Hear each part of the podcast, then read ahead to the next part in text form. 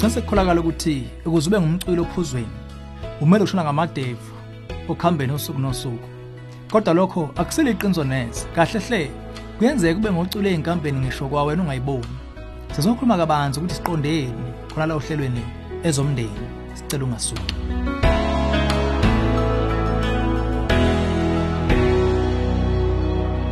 Ngiyakubingelela. Ezomndeni uhlelo lwakho lulethe izeluleko ey'phatheka ngabaka-focus on the family. Sithola umbuzo muhle kunkosikazi ophinda abe ngumama okhathazekile. Uthe ningangisiza ukuqonda ukuthi ngakube nginenkinga enzulu ngophuzo? Nasi isimo sami. Ngumama weingane ezintathu eyisencane ohlala egejima. Emva kwesikole ngiyayilanda bese ngiye emakethe ukucosha okuthile ngokusheshsha singazi ingane ekhathala bese sigijimela ekhaya. Imlowa ya sengigwaqaza amabhoda kusihlwa khona lapho futhi ngimatasa ngisiza ngehomework. Ekubeni komnyeni wami emsebenzini ngiye ngithi chachabo iwayini ukuzolisa ingqondo. Kodwa esikhundleni sokuthokozela isidlo sami ngithola sengimatasa ngiphakela izingane ukudla ngiyithela amajuice phakela ubaba wekhaya ngizama nokumbuza usuku lwakhe lihambe kanjani. Emva kwalokho oh hey sokumele ngibhave izingane manje.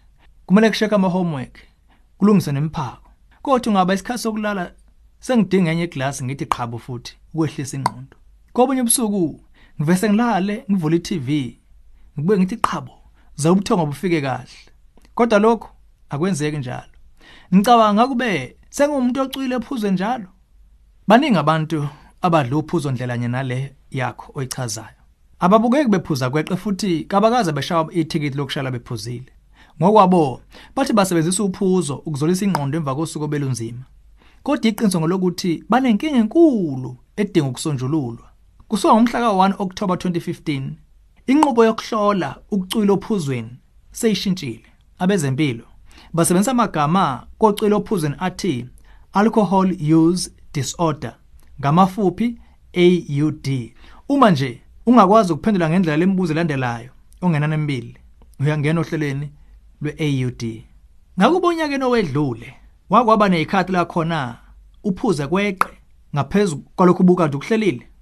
Okwesibili kanye noma kabili wazama ukuma ukuphuza kodwa wehluleka. Okwesithathu umbuzo. Wachitha isikhathi esiningi uphuza. Wabheka nemiphumela engemumva kokuphuza kumbe wagula ngenxa yophuzo. Owesine walangazela uphuzo ngalendlela yokuthi awukwazanga ukuphuza enye into ngaphandle kwejiqa owesihlanu wathola ukuthi ukuphuza noma ukugula ngenxa yophuzo kaninganyana kuphazamisa kumbe kuphazamisana nomsebenzi wakho izifundo zakho kumbe imisebenzi ebhekene nawe ekhaya home responsibilities. Wesithupha waqhubeka ukuphuza ngisho nala khona ukuyiphatha kwakho kwakuletha udlambedle emndenini nakubangani bakho. Umbuzo wesikhombisa wayeka izinto ezaziyintokozo zisemqoka kuwe ngenxa yotshwala?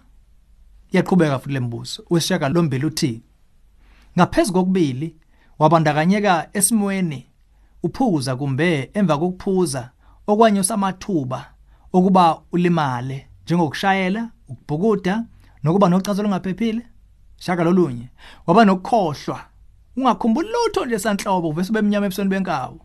Oweshumi waqhubeka waphuza nanxa kwakudala ukhohlwe kwakwenza wazizwa unengcindezi ukhathazekile. Kumbe wangena esimene singesihle sezempilo?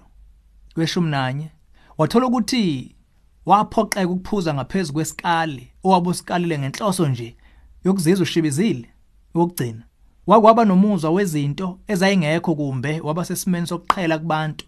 Ngesikhathi umuzwa wotshwala usukukhungethe isibonelo ukuhlulwa ukulala ungabi nakuzola isicanicano ukujuluka kushamawula kwenhliziyo kumbe uqhaqhazela ngesikhathi ke usacabanga impendulo ngazinye kulombuzo eqondene nawe. Kusemqoka ukucabanga ukuthi ukuzihlola wena akuhlali njalo njalo kuthembekile kuba kokubeka esimeni sokuthi usuyi-AUD yini ingxenye. Ngoba ukuphika kungenye izinto ze-addiction neyophuzo. Okunye inkinga yezophuzo isingekhwele kwizinga lokuncika kubutshwala ngokwenyama kuphela kodwa lisengaphinde libukwe ngokwesenzo sokuzibuka ekuzelapheni ubuhlungu benhliziyo ngendlela engesiyo nokho. Kuloko nebala sikhuthaza ukuthola umeluleki ongoti umnyango wezokululeka focus on the family. Ungakuxhumanisa nongoti abaseduze nawe. Shayela ku 031 716 3300 kumbe ungene ku safamily.co.za bese icofo ku counseling link. Ngisho ngathiwa awutholakali ungosencike ophuzweni. Umelwe ukucabangisisa amanembe okwenza kwinqoba yakho yokuyiphatha emshadweni nasemndeni wakho. Phuza utshwala. Lolu hlelo ezomndeni. Ulethulelwe yifocus on the family sihlangabezwa hlelo luzayo sesihlabelisa phambili umndeni wakho.